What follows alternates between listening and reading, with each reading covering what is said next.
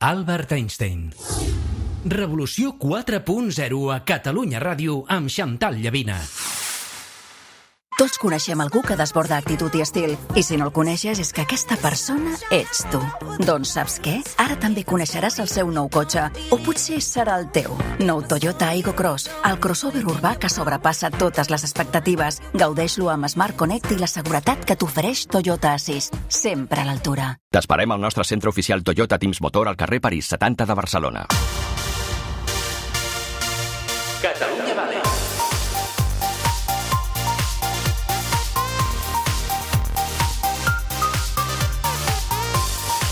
volem dedicar els següents minuts a parlar d'una figura que és gairebé tan necessària als negocis com als emprenedors, que són els inversors. Sense els inversors, la majoria d'idees es queden al final en no res. Era para abans d'ahir. Lluís Juncà, director general d'Innovació i Emprenedoria, ben tornat, com estàs? Molt bé, moltes gràcies. Gràcies per venir a la Revolució, que feia un temps que no venies. Exacte, sí, sí, però per una bona causa. I també tenim amb nosaltres la Conxi Pérez Andreu, que és emprenedora, inversora i, entre moltes altres ocupacions, cofundadora i CEO de Rollbox Games. Què tal, com estàs? Molt bé, moltes gràcies. Uh, per què vens amb la Conxi avui? Explica'ns una mica. Bé, per, hi ha moltes raons per portar la Conxi, però en aquest cas era per exemplificar uh, el, el panorama d'inversors que hi ha a Catalunya, com està creixent, com s'està sofisticant i com ajuden més enllà de, uh, d'amb diners a fer créixer el panorama de startups i d'empreses a Catalunya. Ara entrarem en el tema de les inversions, però uh, per què creus que l'empresa que dirigeix és un bon exemple d'emprenedoria? Perquè és tecnològica i perquè a banda de ser tecnològica té un propòsit no? i crec que les dues coses són justament les que estem empenyent des de la- l'administració que és que hem de fer empreses que tinguin alt valor afegit i això normalment va associat a que tinguin tecnologia però l'hem de posar al servei de fer el bé no? de, de tenir un propòsit, d'arreglar problemes i reptes socials que siguin locals i globals no? i el seu és un exemple d'això Uh, Conxi, et plantegen un projecte per poder inver- invertir, que deus rebre moltes peticions al cap de, de la setmana o de l'any, el que sigui, no? El primer que demanes, el primer en què et fixes, què és? Mira, nosaltres, bueno, jo estic invertint a través de l'associació de Women Angels for STEM, després t'explico una mica si vols. Com es diu? Women... Women Angels, Angels? for STEM. Ah, ok, for STEM, vale, Vale, vale, per el STEM. que sí, fem, sí, per exacte, Science, per Technology, coses- sí, vale, exacte. ok. Llavors, invertim en dones emprenedores, no? I el que, des de l'associació, diguem-ne, el, que, el que busquem sempre i el que primer mirem, com dius tu, és l'equip. L'equip és molt important. Qui hi ha al front, qui està empaitant-ho, eh, la trajectòria que té, sobretot la, la resiliència, la capacitat, la passió, el coneixement que té del sector, eh, diguem-ne, la, la composició de l'equip, tot allò que si realment pot tirar endavant, allò que diu que vol tirar endavant. Clar, perquè la percepció moltes vegades és bueno, els inversors són gent que té molts quartos i que jo provo sort, no? Però això no és així, esteu Home, no. arriscant, també. Provar sort, no. Clar, esteu arriscant el vostre capital per un projecte amb el que creieu per la raó que sigui, no? Sí, a veure, mira, nosaltres, per exemple, dins de l'associació, que som ara unes 145 associades, dones totes, no?, que estem invertint en, en emprenedores, eh, cadascuna decideix a qui vol posar, eh? no, no hi ha una, una postura comú. Per tant, és decisió de cada inversor, cada inversora, què vol fer. Uh, el, que, el que passa que, clar, cadascú es mira i hi han com dos grans criteris, no? Un pot ser el de la passió, allò, t'agrada, aquell projecte t'enamora, t'agrada i dius, bueno, vull posar-hi, i veus una viabilitat. Normalment tothom ens mirem que hi hagi una viabilitat, una coherència del que es planteja, etc. I després pot haver-hi altre, altre tipus d'inversor que és més per, uh, bueno, per tre- treure un rendiment, no? Però això del rendiment, doncs, bueno, a vegades surt, a vegades no surt, no? I això també has de ser molt conscient de com fer aquestes inversions. Hi ha molts tòpics al voltant de les inversions, a les empreses que demanen inversions. Per exemple, un que no sé si és, si és cert o no, no? allò de dir... Uh, això ho diuen molt els americans, no? De, ens agrada molt gent que s'hagi equivocat molt.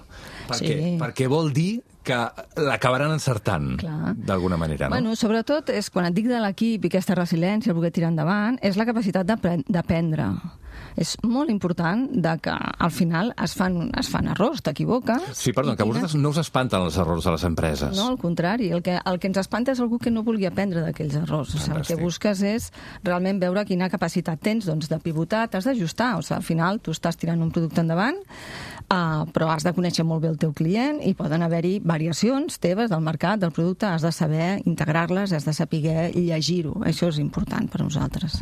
I un altre tòpic és, bueno, escolta, invertim en 10 i si una, una, una funcionarà tan bé que compensarà les altres 9 inversions que hem fet que no han acabat de sortir bé del tot. Home, suposo que no, perquè l'ideal aquí és que de, de 10-10, no? Bueno, això és superdifícil. hi ha risc, hi ha risc. Llavors, l'experiència diu, que jo encara en tinc camí per endavant, l'experiència diu que de cada 10, una o dos poden sortir molt bones, eh, dos o tres serien doncs, un rendiment mitjà i la resta no sortiran. Això és la, això és la, la foto, diguem-ne, que quan tu com a inversor vas decidint, doncs has de ser conscient, busques també diferents sectors, diferents àmbits, no?, per una mica diversificar el tipus d'inversió, però més o menys aquests són els ratis. Per què no surten les que no surten? Per què creus? És molt difícil emprendre, eh? Ho has fet mai? Si no ho has fet, és molt sí, difícil. Sí, mare, sí. He pres molt, eh? Ara, ara, ara, ja m'has enxampat de seguida. És difícil per molts motius, o sigui, és a dir, has de, has de triar molt bé el moment del mercat, a vegades, poden, a vegades pots tenir molt bon producte i molt bones idees i haver-hi un context que pel que sigui gira i no, i no t'acaba de, de, de sortir, no? Però a part també, bueno, de, eh, i quan parlem de deep tech, que són més, més complexes, diguem-ne, doncs, doncs tot el temps que has d'estar invertint, desenvolupant el producte, provant-lo, tirant-lo endavant, has d'haver-te organitzat molt bé, patim molt de tesoreria, sempre al principi, els primers anys, de que tot això vagi donant els resultats que toca. I clar, si no és un equip molt potent i resilient, com et descrivia abans, mm. que és, té aquesta capacitat de pivotar i d'ajustar, eh, doncs eh, es compliquen les coses i és molt més difícil tirar endavant. Lluís, un inversor no només aporta capital, no només aporta diners. Tenen experiència, tenen, tenen visió, i suposo que també poden ajudar per altres bandes, no? De fet, això és el que busquem amb aquesta línia de, de coinversió que llancem ara, que és no només basada en la inversió tangible, efectivament posen diners i posen, assumeixen risc, però el que volem buscar és el fet de que com més d'hora hi hagi una professionalització, per exemple, en forma d'inversions a dins o a prop de l'empresa, més aviat s'agafen bones pràctiques. No? Abans, aquestes empreses que, que comencen eh, tenen un bon management, no? tenen una bona, un bon full de ruta, saben començar a fer les coses ben fetes des del principi. Això és el que busquem eh, amb aquesta línia de coinversió. Perquè, efectivament, la inversió pura i dura ens, ens a vegades som, és, és, és necessària, però sobretot ve més endavant. No? El, el capital només interessat en invertir, en posar una, un, una, una part de la seva, del seu risc allà a veure què passa, això mm, en empreses que ja tenen més, més rondes aixecades, etc és més normal. A l'inici, eh, aquest, aquest mentoratge, aquest acompanyament és fonamental i busquem justament que, que això passi més d'hora en aquestes empreses, també, com dèiem, més complexes, no? les deep tech, no? Les aquelles deep que tech. són eh, basades en un descobriment científic que fa que, que arribar al mercat sigui menys ràpid, o de fet directament lent, no? Mm. qüestió d'anys, i que per tant hi ha un doble risc tecnològic i de mercat, és a dir, que la tecnologia no acabi de funcionar o que el mercat no te la compri. Per tant, aquest doble risc fa que d'entrada els inversors s'ho mirin amb molt de, de respecte i el que volem és fomentar que més inversors catalans apostin per aquest tipus de projectes.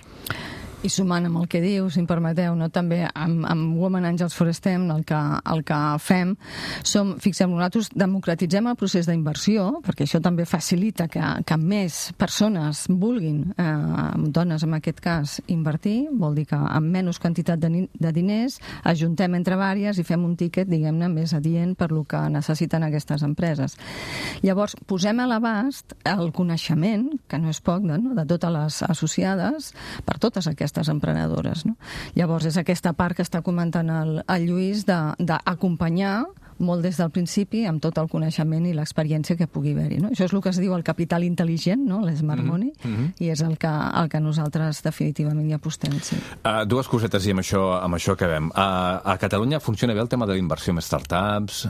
Tot pot funcionar millor, això ho sabem de, de sobres, però funciona bé des del teu punt de vista, Lluís? Funciona cada vegada millor, això Sí? és, és indubtable. Uh, el que ha de millorar és el, sobretot el capital en aquestes fases inicials on hi ha més risc, que aquí encara es troben a faltar uh, més recursos propis. No? O sigui, el, Catalunya encara dedica massa pocs recursos a finançar aquestes startups amb risc en fases inicials, i l'altre és que també necessitaríem que eh, hi hagués més propensió al risc associat d'aquestes aventures més científiques, no? I, i en canvi, potser menys eh, aventures empresarials que estan bé, però que no tenen un, camp, un potencial transformador. Per exemple, um, és molt fàcil trobar finançament per a empreses que facin bars o uh -huh. restaurants Mhm. o, o, Una franquícia de o no sé què, marketplace sí. de no sé què, que està molt bé però potser a poc a poc hauríem d'intentar virar cap a aquelles empreses que realment tenen un potencial transformador gegantí a Catalunya i al món, no? Una empresa que et soluciona,